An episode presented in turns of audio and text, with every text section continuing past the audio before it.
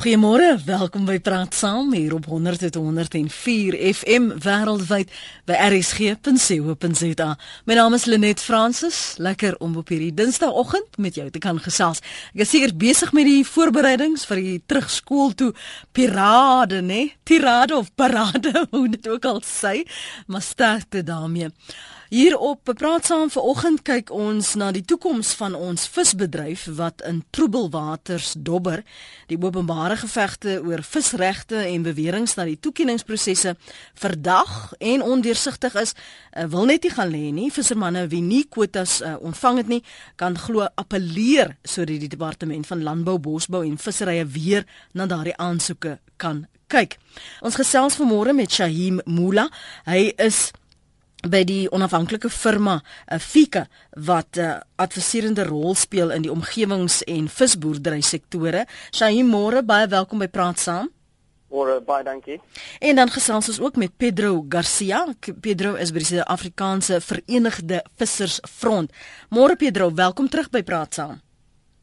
Uh, Goeiemôre Lynn en baie dankie vir die geleentheid. Baie dankie vir julle tyd. Ons probeer intussen nog om die waarnemende adjunkdirekteur-generaal van die departement van visserye Desmond Stevens op die lyn te kry. Ons het 'n afspraak met hom. Ons vertrou dat hy uh, binnekort met ons uh, sal kan gesels. Shaim gee gou eers vir my 'n oorsig van wat op die oomblik in die visbedryf aan die gang is want ons wat nie direk geraak word nie, verstaan nie noodwendig wat aangaan nie.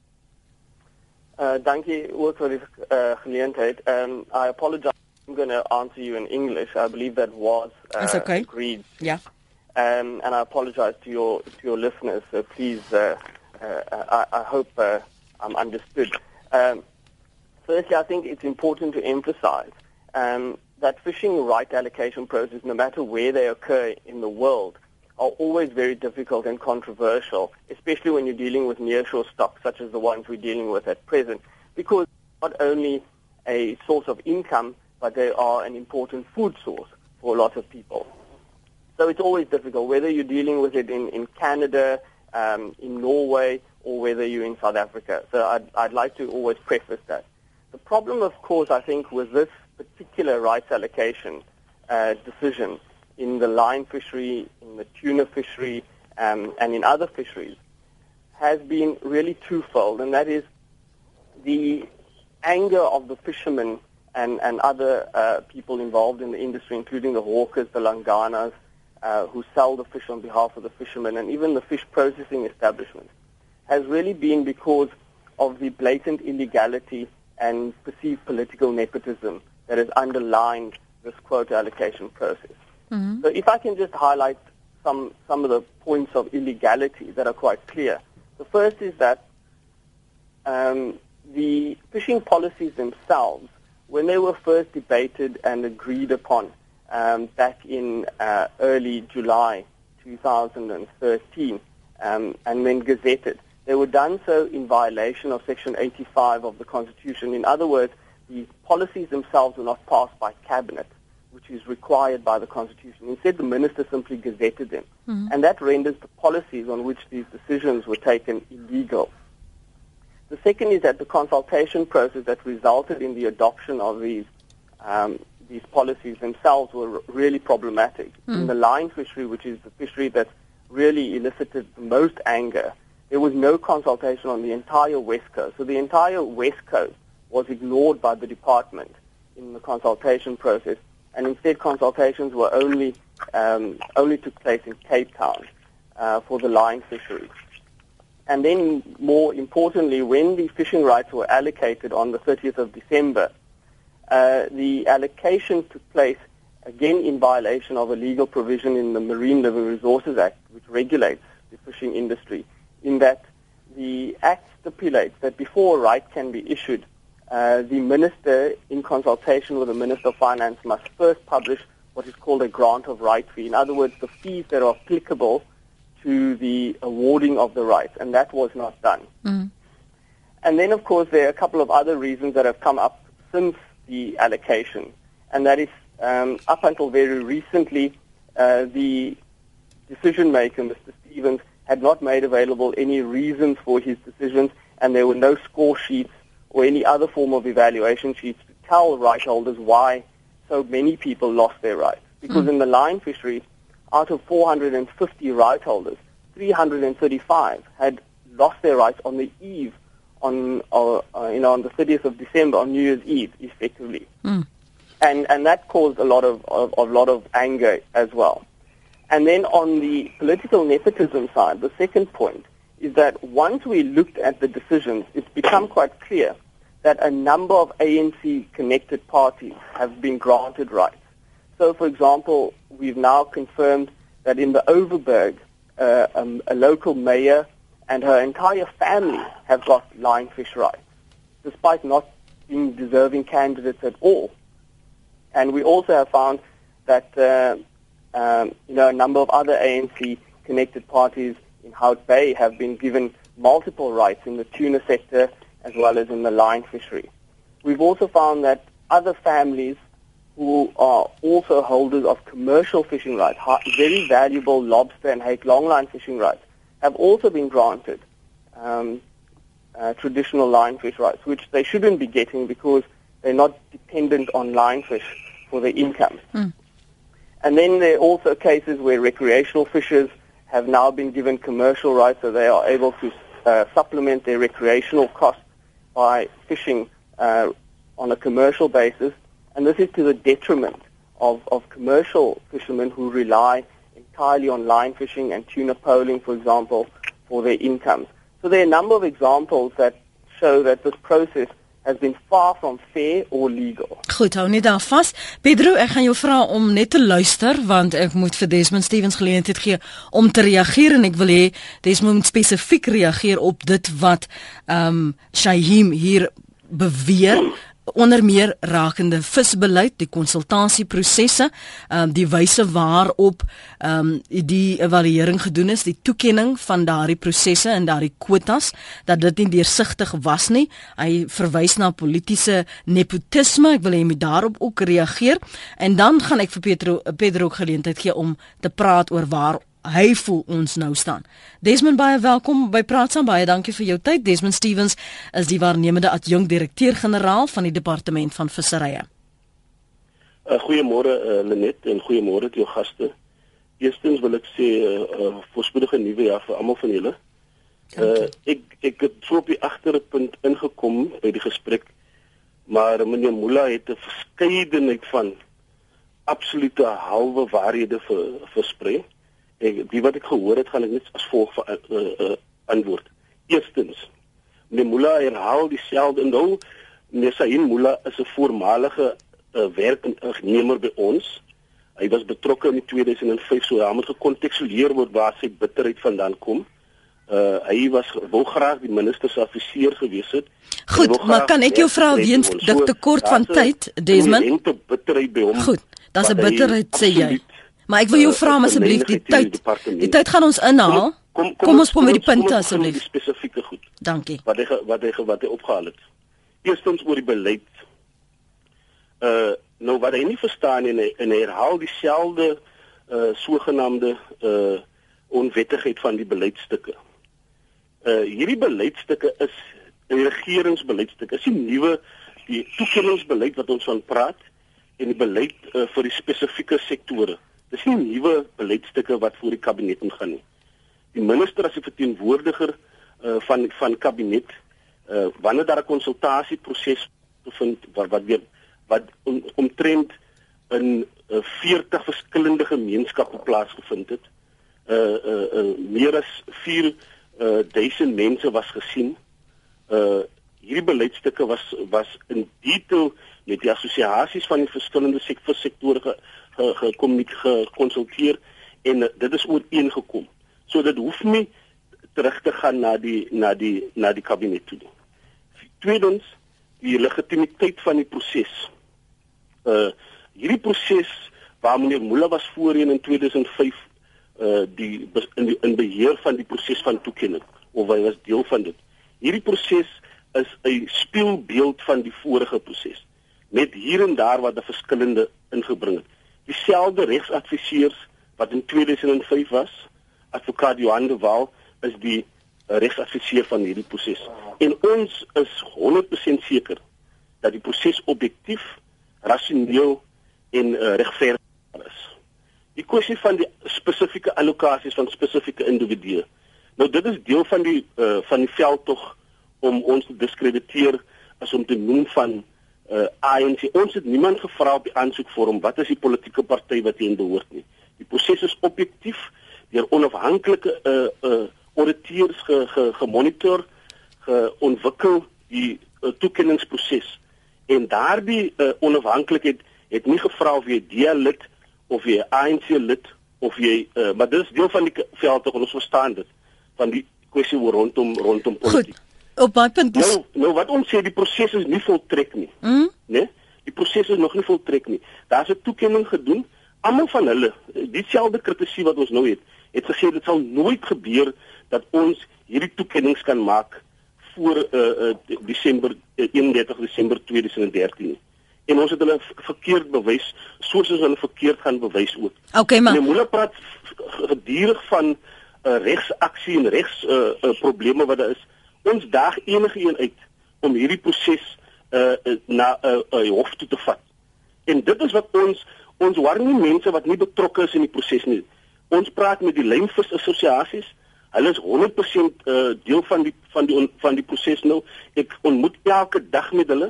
Ons praat met die assosiasies in een, enige van die sektore wat daar is sodat die mense wat saak maak, die vissers, nie jou pseudo experts nie, die vissers wat saak maak, dis die mense wat ons moet. Okay, sê vir my Desmond, hoe hoe word hoe word 'n 'n reg dan nou toegeken?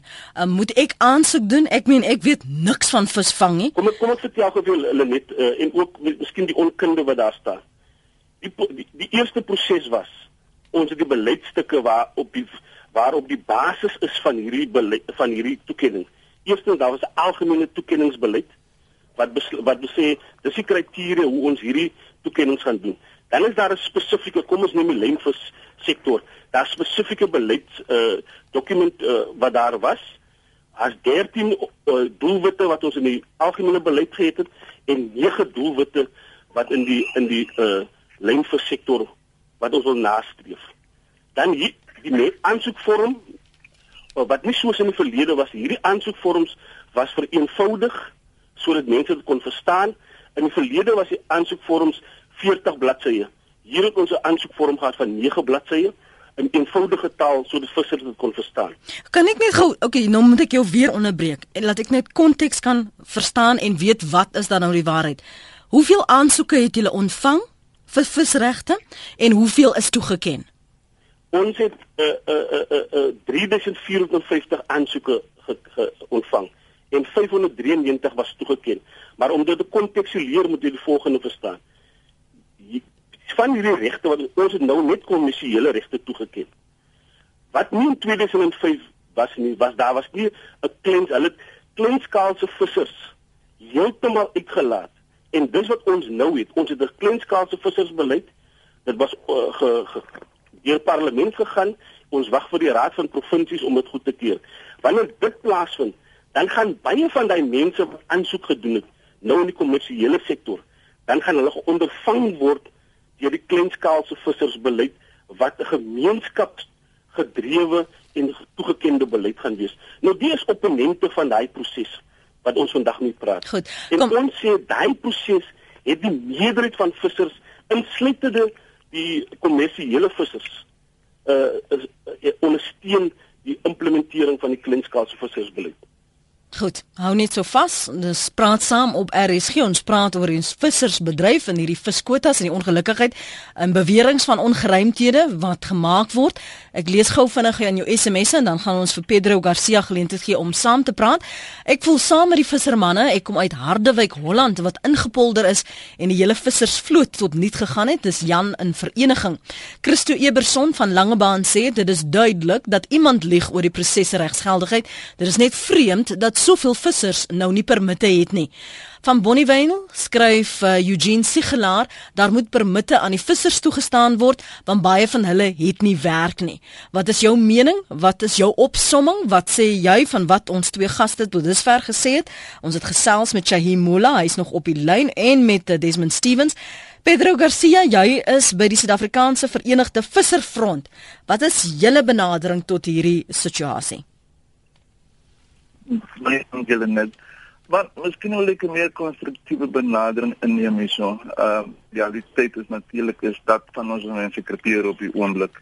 En ek miskien miskien wil ek net 'n bietjie breedvoerig kyk vir al na die na die lynvissektor. Mm.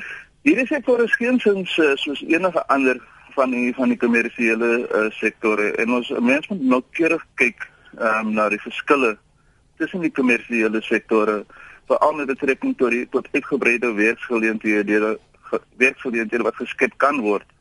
Die lynvis behels verskillende spesies en net as 'n voorbeeld daar snoek, hotmotsvis, uh, silvervis, geelstreep uh, en nog meer.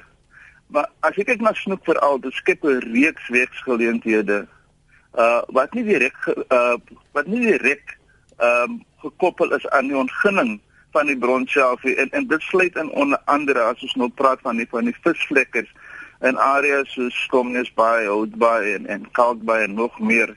En en dis hoofsaaklik vroumense. Ehm um, en baie van hulle is enkel broodwinners.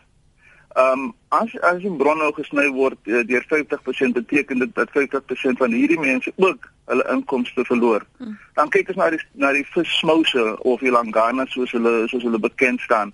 En elkeen van van hierdie smouse het 2 tot 3 spanne van 2 tot 3 persone uh, elk uh, wat langs die Kaapse paaie verkoop en skoonmaak.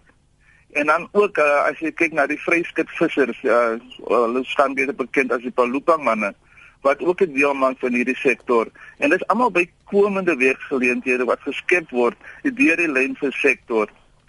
Nou nou bestaan die vraag natuurlik waarom het ons as as 'n organisasie ehm um, die die uh, die huidige ehm um, kommersiële sektore ondersteun.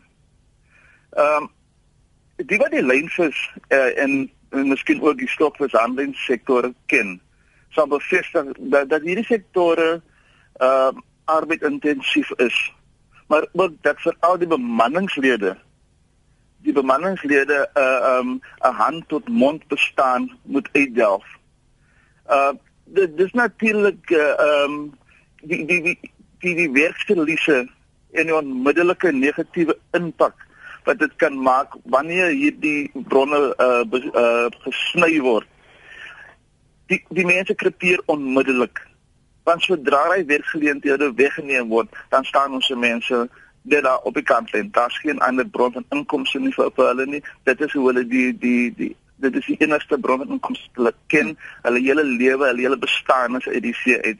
So daar is reeds syfers genoem van 1500 mense wat onmiddellik hulle werk uh, gaan verloor wat direk gekoppel is. Maar dan moet ons almal hier hierdie ander uitgebreide werkgeleenthede moet ons byvoeg dan. Dan kyk ons maklik na omtrent 3 tot 4000 wat onmiddellik hulle werk verloor.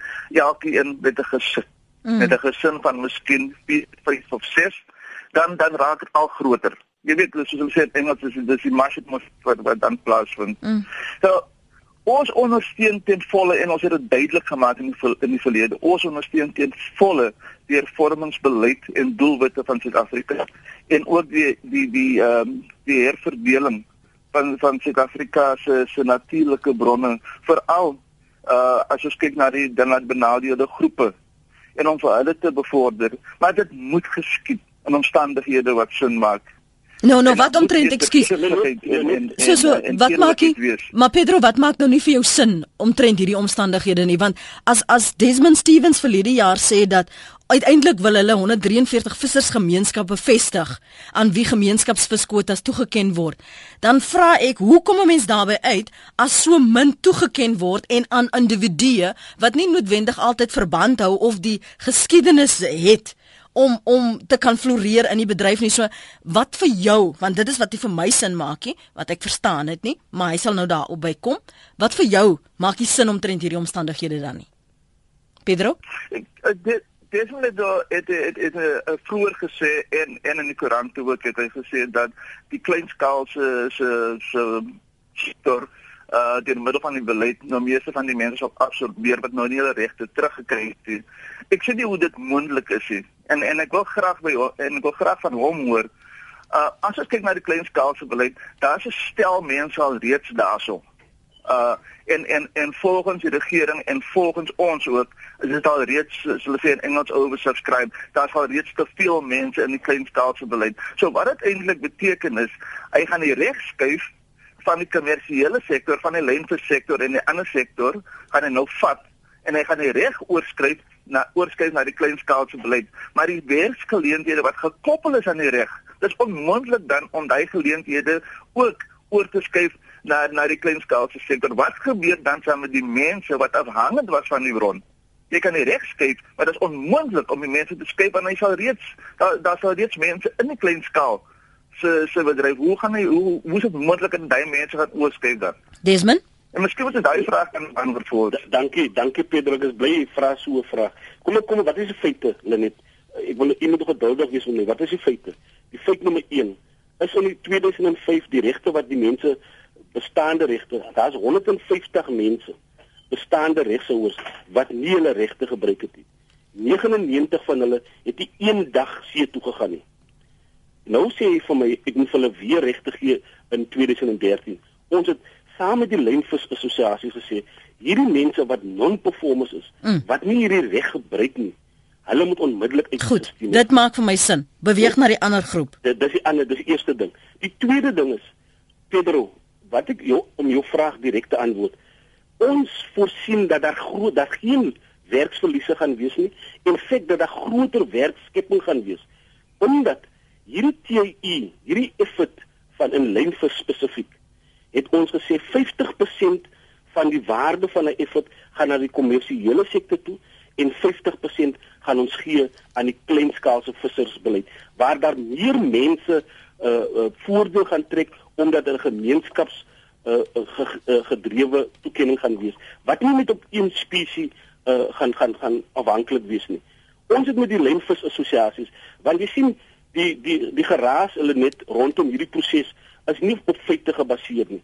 Eerstens die die smouse die langane wat het ons ontmoet nadat ons hulle verduidelik het besef hulle dat hulle heel hulle toekoms lê in om saam met die departement te werk. Ons gaan hulle ondersteun rondom infrastruktuur. Want kom ek vertel vir julle net wat wat gebeur op 'n lynvisboot? Die booteienaar, hulle gaan uit op see, het 'n kroeg van 7 mense. Hulle gaan vang vis. 50 50 tot 60% van die waarde van die vis gaan na die booteienaar toe en die in die in die kroeg die uh soos ons in die volksmond praat die bakkie boys die seksisme wat nog steeds in die in die in die visbedryf is Hulle ontvang 40% van die waarde van die vis wat hulle gevang het en dan moet hulle nog petrol betaal. Hulle moet uh uh hulle moet vir die toerusting betaal. Ons sê daai magshouding verhouding moet verander word. Nou okay. Want die mense wat die werklike werk doen, wat veral meestal bruin en swart mense is, as 'n minimale uh, gedeelte wat vrouens is, dat daai magsverhouding moet verander. Ons wil nie die booteienaars weg wegjaag nie. Ons sê kom ons verander hierdie magsverhouding dat die mense wat werklik die regte moet kry is die is die crew members is die agtergeblewe vissers wat ook vir jare visvang maar ons stoot nie ons uh, probeer die probleem oplos om teen ander mense te wees ons sê hierdie proses kan net op, opgelos word deur 'n sosiale kompak tussen al die rolspelers en dit is die meganisme wat ons kry die lynvis uh, uh, vereniging in in in Oeverberg Hulle werk al reeds saam met kleinvissers uh, gemeenskappe daarso. En dit is wat ons wil aanmoedig. So hierdie emosionele uh uh uitbuiting van die situasie deur sekere politieke agendas is on, ongevraagd. Laastens wil ek net sê wanneer ons na die feite kyk, baie van die mense wat gesê het hulle livelihoods word verlore, hulle ons ons destroy die die die die industrie. Baie van die mense op die TV, wanneer dit ons ondersoek on, ingedoen het, sê hulle vir ons, hulle maak 200 000 rand per jaar en eh, vir die 8 jaar wat hulle die reg het. Dit is 28 000 rand 'n jaar. So jy kan nie vir my sê daai is jou lively, jy maak 'n lively vir 28 000 rand nie. Dit is wat ons eh, wil wil verander, waar ons die waardeketting, die hele waardeketting van die lynvisbedryf en in ander sektore wil ons so 'n spieker kry dat almal almal 'n lewe 'n lewensvatbaar kan wees en vir almal 'n livelihood kan wees. Ten slotte die kritiek wat daar is oor die oor die oor die kandidate wat deurgekom het. Ons uh, môre gaan ons die lys van suksesvolle kandidaate vir SARS gee en vir uh, die SAPS. So enige een wat gelieg het en hy was suksesvol, daai persone, daar gebeur lopende uh uh uh, uh verifiering van inligting. En as jy gelieg het, as jy valse inligting gegee het en as jy 'n kriminele rekord het in die MRA, dan kan jou reg van onneem word. So hierdie storie dat ons het verkeerde mense, daai proses verifisering gaan deurlopend plaasvind om seker te maak dat ons nie soos in 2005 al 150 mense het wat nie hulle regte uh, gebruik nie. Goed. Dis praat saam op RSG. Dit is die stem van Desmond Stevens. Hy is die waarnemende adjunk direkteur-generaal van die departement van visserye. Ons gesels ook vanoggend met Pedro Garcia. Hy is by die Suid-Afrikaanse Verenigde Vissersfront en Shahimula. Hy is by Fike, hy is die woordvoerder. Dis 'n onafhanklike firma wat 'n adviserende rol speel in die omgewings en die visboerdery sektore. Ons praat oor hoe hierdie bekleierery en bekgevegte rondom toekenning van visregte ons bedryf gaan raak. Kom ons gee vir Connie uh van die Suid-Kaap geleentheid om saam te gesels. Môre Connie, jou punt? Môre Lenet, môre ook aan die gaste. Ja, ek verbaas my aan die mooi woorde. Dit sluit aan by ons president Zuma wat so baie uh, uh, uh, beloftes maak oor werkskepping en dis meer. Lenet het gevra hoe staan die vissersbedryf en hoe beskou ek dit ons uh, as luisteraars? Ek sien uh, troebelwaters met 'n vrot vis daarin. As ons kyk eerstens na ons hawens is vol oorseese bote. Hierdie is lang langlynbote. Uh trailers. Hoeveel kontrakte is aan daardie mense toegestaan versus ons gewone visserman? Ons sit daar in Strysbaai, Waarnheidskraans omgewing in die Suid-Kaap met 'n 50 geslagvissers gemeenskap. Wat gaan daardie arme mense doen? Nou is daar mooi woorde om te sê ja, hulle gaan eers ingepas word. Wat moet hulle intussen intussen doen? En Ek dink daar is nou gepraat van beweringe van ongeruimthede en dit verbaas my glad nie. As ons kyk na geagte Tina Jumat Petersen as minister daar, sy sit self onder 'n donker wolk. Dan wonder 'n mens regtig wat is in die bedryf aan die gang. Maar on, ons ons is nou gewoond daaraan en uh, ek dink daar is 'n transformasieproses aan die gang wat ook reg is. Indien daar 'n transformasieproses nodig is, dan moet dit gaan na die breingemeenskap in Toto. Baie mooi dag vir julle. Ek luister wat sê die gaste. Baie dankie. Connie se mening daardie kom ons kyk net daar as al die bronne uitgeput is, hoeveel mense is dan werkloos? Skryf 'n luisteraar. Ewende Vos in P uh, Port Elizabeth iets strook eers nê. Waarom word permitte nie aan bestaande vissers wat die bedryf ken toegestaan nie? Dit is nie net die visser wat skade ly nie, maar 'n hele ketting van broodwinners na onder wat afhanklik is van die bedryf. Skakel al die frantmanne uit sê Eben. Nog 'n SMS vanaf Stilbaai. In Stilbaai is 20 vissersbote, maar net 4 het permitte gekry. En as ek kyk na die tweets Pieter van Dalens tweet ek ondersteun transformasie maar nie ten koste van die mark nie. Meneer Stevens, dit is emosioneel om jou werk te verloor. Jy kan ook jou mening by ons webblad laat rsg.co.za. Shaim, jy's bietjie stil, wil jy vinnig reageer op wat uh, Desmond gesê het en dan gaan ons weer ook vir Desmond geleentheid gee om saam te praat oor wat Connie gevra het. Baie dankie. Ehm um, just uh, three points. Um you know, uh, with regard to what uh, Mr. Stevens has said, is that firstly I hear he, him referring to the fact that he's going to be handing these rights registers over to the SAPS and SARS. Firstly, of course, the horse has bolted, um, and there's little point in doing verification after the fact. Um, this verification ought to have been done before rights are allocated. Secondly, um, having SAPS and SARS verify these lists are quite pointless because nobody would have necessarily committed a criminal offence by lying on a on an application form. It's not a criminal offence. Um, they just should not have got it right. So SAPS would have no jurisdiction and can do very little um, on that. The second point is that I think what becomes quite worrying from Mr. Stevens's um, you know points that he raises is that it would appear that everybody who's you know, been so angry. And I mean, the reality is that the anger is all around, as has been seen on TV and in the press, and and from various people that have been phoning into radio stations. Mm. Is that according to Mr. Stevens, it would appear that there's quite a bit of overreaction, and not everybody is justified in this because so many people are just not using their rights. And I think uh, that cannot be entirely correct.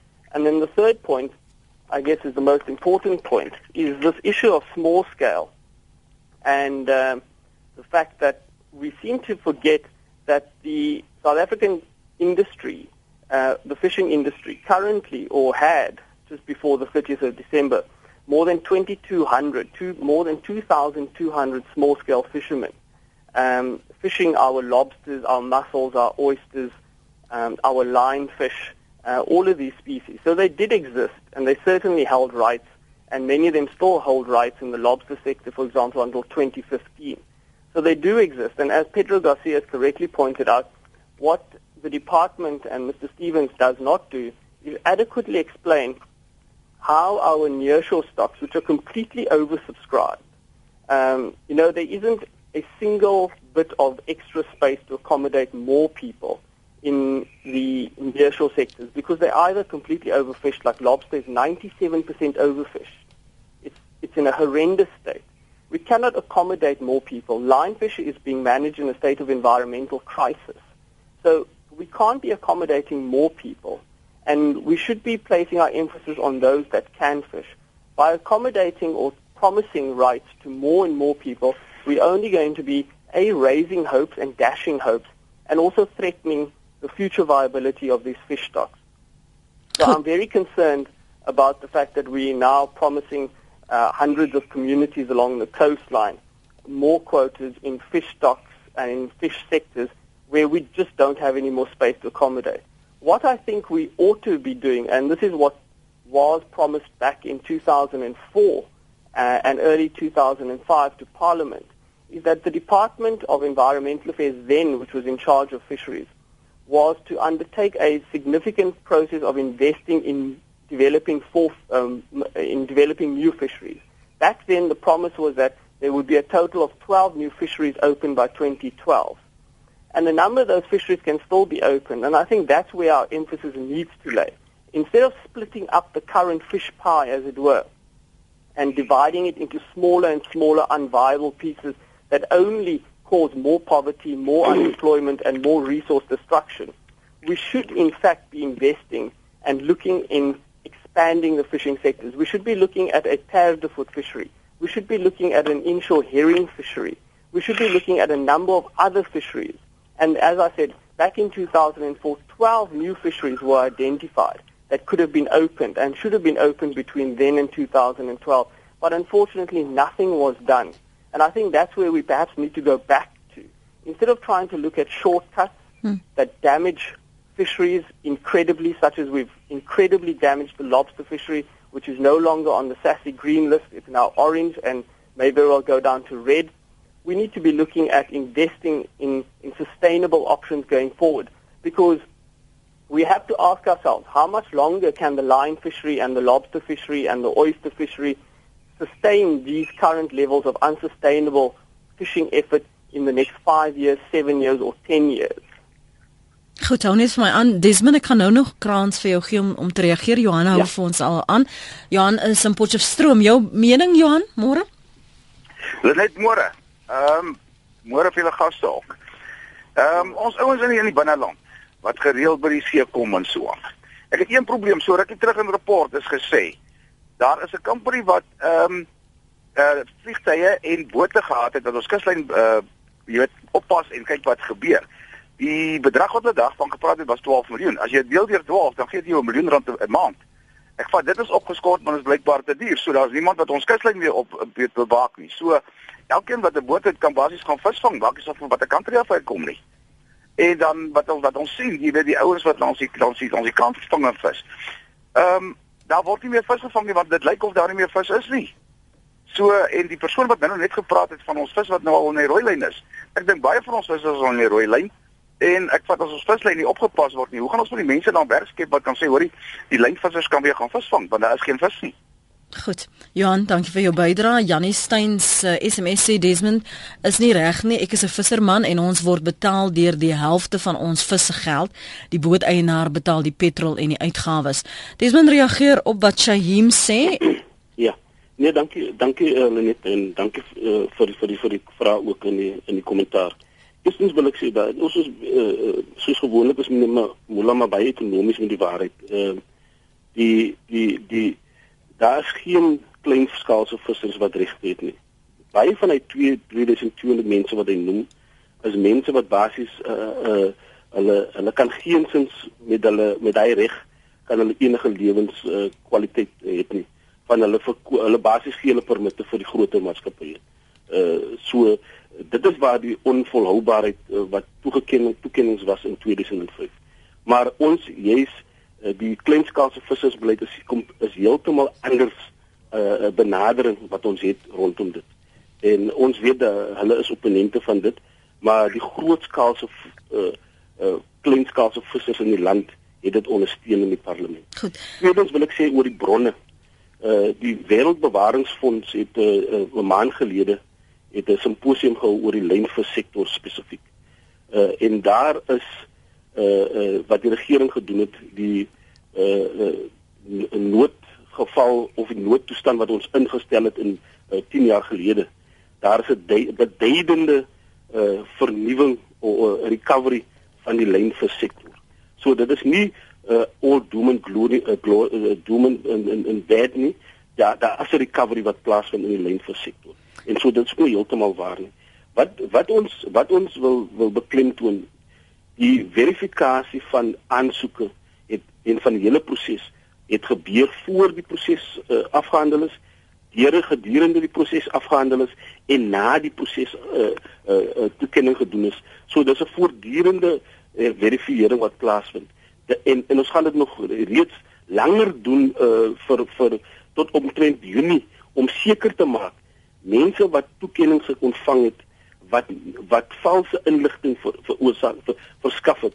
Jy kan nie uh, as iemand 'n aansoek doen uh, onmiddellik sien dat hy valse inligting het. Jy moet deurlopende ondersoek ondersoek hanteer. Desmond, kan jy vir my uh, vanoggend offline wat ons omtrent al 20 uh uh klagtes ontvang het van mense wat valse wat ge, wat gekollude het met mekaar om valse inligting te gee. So daai is deurlopend wat gaan ondersoek word. Uh wat ons sê, die anker van ons toekomstige hervorming wat ons wil hê, gaan die kleinskaalse vissersbeleid wees. Die kleinskaalse vissersbeleid is 'n beleid waar ons sien om hierdie bronne om die gemeenskappe waar op die op die kuslyn wat afhanklik is van die see. Nou ons praat altyd van hierdie mense asof hulle nooit vis gevang het nie. Die die die realiteit is geskiedkundige realiteit, historiese realiteit is dat jou gemeenskap op die op die kus, hulle is afhanklik van die see. En hierdie mense moet wil ons bemagtig en ons kan hulle bemagtig deur vir hulle gemeenskapskwotas te gee. Ons wil nie die kommersiële sektor uh, ver, vernietig nie. In feite inteendeel, ons gaan uh, groter uh, uh, insentiewe gee vir die kommersiële sektor sodat hulle kan beter hulle werk doen en beter inkomste ontvang vir vir ons land en en en werkskepping kan skep. En Desmond Dari, jy het net nou gesê daar was 3450 aansoeke nê en 593 is toegeken. As ek reg? 3450. 3450 was ja. die aansoeke, maar 593 is wat aanvang wat toe nou toegeken is. In die, al die 8 sektore. In al die 8 sektore. Daai 593 wat toegeken is, kan jy nou vanoggend vir my sê dat elke persoon wat daar op daardie lysie is, ongeag al hierdie wetting en al die uh goed wat jy nagegaan het, kan jy vanoggend vir my sê jy is oortuig dat almal met legitimiteit op daardie lys hoort en daardie kwotas verdien.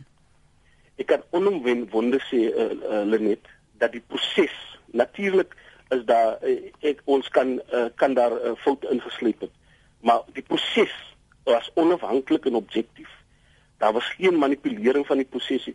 Dis hoekom ons uh uh uh uh, uh geensins kan twyfel dat die proses uh enige uh, skroutinie kan staan van enige ondersoek van van van die hof. Natuurlik, ons het klaar self deur ons eie ondersoeke het ons gesien dat sekere mense het uh uh uh, uh inligting uh, misleidende inligting gegee en ons is besig met daai proses. Is nie soos meneer Mula sê dat daar niks kan gedoen word nie. Ons beleid sê uh, baie duidelik as jy enige valse inligting uh, voorsien het, dan kan ons vir jou onmiddellik uh, kan ons 'n proses aan die gang sit wat jou wat jou reg kan vir jou As ek as ek dan nou appeleer en ek sê maar ek stem nie saam dat my aansoek afgekeur is nie en ek verskaf dan nou so ek aanneem redes waarom ek so voel en oortuig is. Hoe lank vat dit voor my um, proses na gekyk word, my aansoek na gekyk word? Ja, ek wil ek wil sommer jou vraag so antwoord van dis ook een van die mis uh uh informasie wat daar is. Elke van hy 3450 aansoekers gaan by die einde van die week 'n brief kry wat sê hoekom is jy suksesvol en hoekom is jy onsuksesvol. Met die brief gaan hulle 'n 'n 'n score sheets kry en redes uh, uh, wat ons noem 'n GPR kry en 'n appelvorm kry.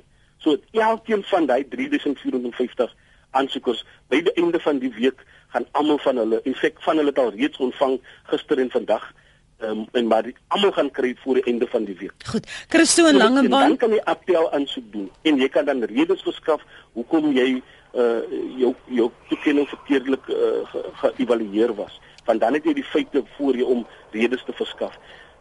Van daai proses af ons hoop om uh in 'n maand se tyd die uh appelle af te handel. Natuurlik sekere appelle kan langer vat uh, omdat dit meer detail gaan wees, maar meeste van die appelle spesifiek in die lynvis wil ons so gou as moontlik afhandel. Laastens wil ek ook sê dat ons het juis om die lynvisbedryf te gemoed te kom.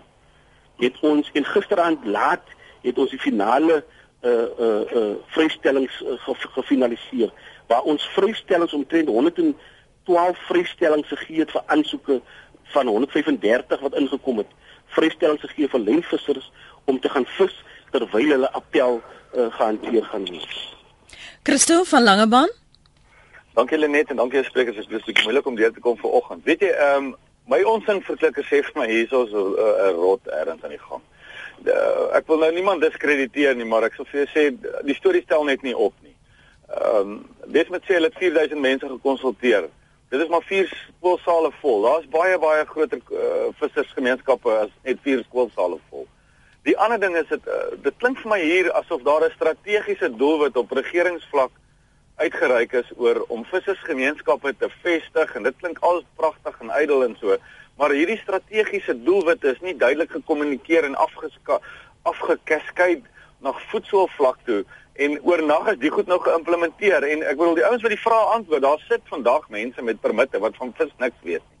En daar sit mense wat hulle hele lewe al vir 5 generasies uit vis maak sonder permitte. So dit is waar my onsin verklikker vir my sê iemand lieg. En die ouens moet ophou nonsens praat. Daar's te veel mooi stories oor vis spesies en allerlei tegniese goeters en die ouens mis by die punt uh, uh, uh, mis die punt en praat mooi en en vee toe. Ehm um, Musa klink vir my asof hy die uh, die die, die spyker op die kop slaan en die tegniese aspekte en die, en die nommers reg het. Desmond se stories klink nie vir my reg nie. Uh Steven se se kommentaar klink ook vir my asof dit 'n bietjie 'n politieke ry aan die gang is. En ek dink dit regverdig dalk nog 'n respek oor hierdie ding, uh, nog 'n gesprek oor hierdie ja. ding en beter navorsing want hier's te veel mooi praatjies en te veel te min fokus op die werklike feite van waarom die vissers wat al vir generasies al visvang nie permitte het nie. Dankie vir die saamgesels. Uh ons moet ongelukkig ons uh, program afsluit, maar vir jou, wat is die kruks van van hierdie hele gesprek? Wat is die een ding wat jy sou wou hê moet by mense wat nie die bedryf ken nie, Pedro, wat moet by hulle bybly? Bybly. Ek dink baie belangrik is dit gaan oor die vissermanne. Uh, die die ons moet kyk na na wat heidaglik gebeur op die grond en die impak van van hierdie uh, veranderinge en en die verskywing van regte van een persoon na na nog 'n persoon te en ek dink as net twee punte mag uh, reis net uh, soos is nou toemaak hierso. Uh hierdie ding is is is breër as wat ons dink. Dit raak die gewone mense op die grond. Want as jy bronne weer as dit gesny word uh en dit het 'n onmiddellike impak. Dan moet jy kyk na na na die die bron dit is een van die skaarsste bronne van van proteïene wat beskikbaar is wat bekostigbaar is vir die gewone man op die straat. En as die bronne op so 'n mate gesny word, gaan die gewone Suid-Afrikaner ook die toegang hê tot dit. So jy praat nou van die armste van die armste weer uh uh uh affekteer.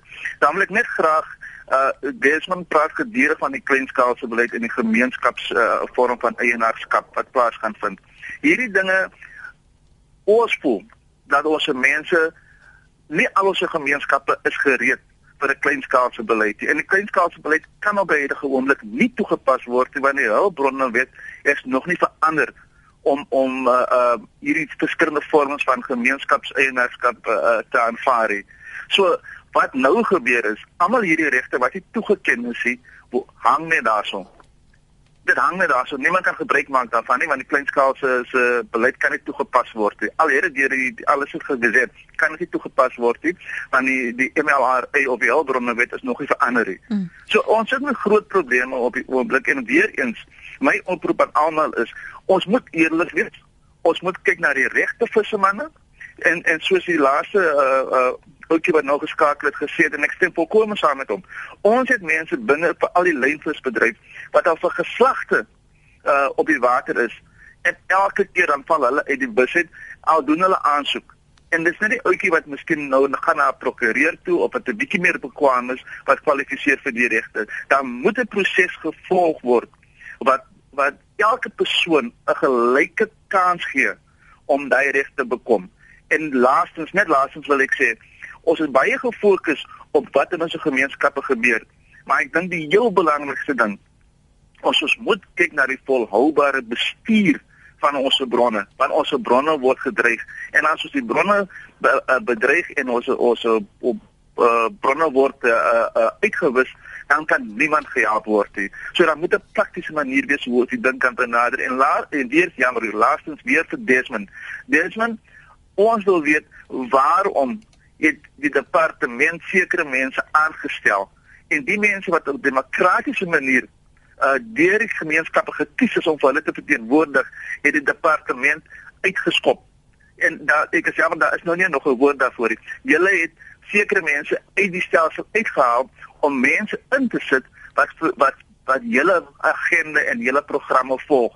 Ons wil weet hoekom is van die regte mense, die regte verteenwoordigers uit die gemeenskappe uitgesit. Baie dankie julle net. Ongelukkig kan ek nou nie vir Desmond en ek dink hy sal verstaan weens die tekort gebrek aan tyd nie uh, geleentheid gee om daarop te reageer. Desmond, Ehm um, ek wil vir jou en vir Pedro en vir Shahim en al ons luisteraars, ek dink soos Johan gesê het, 'n regverdig 'n gesprek.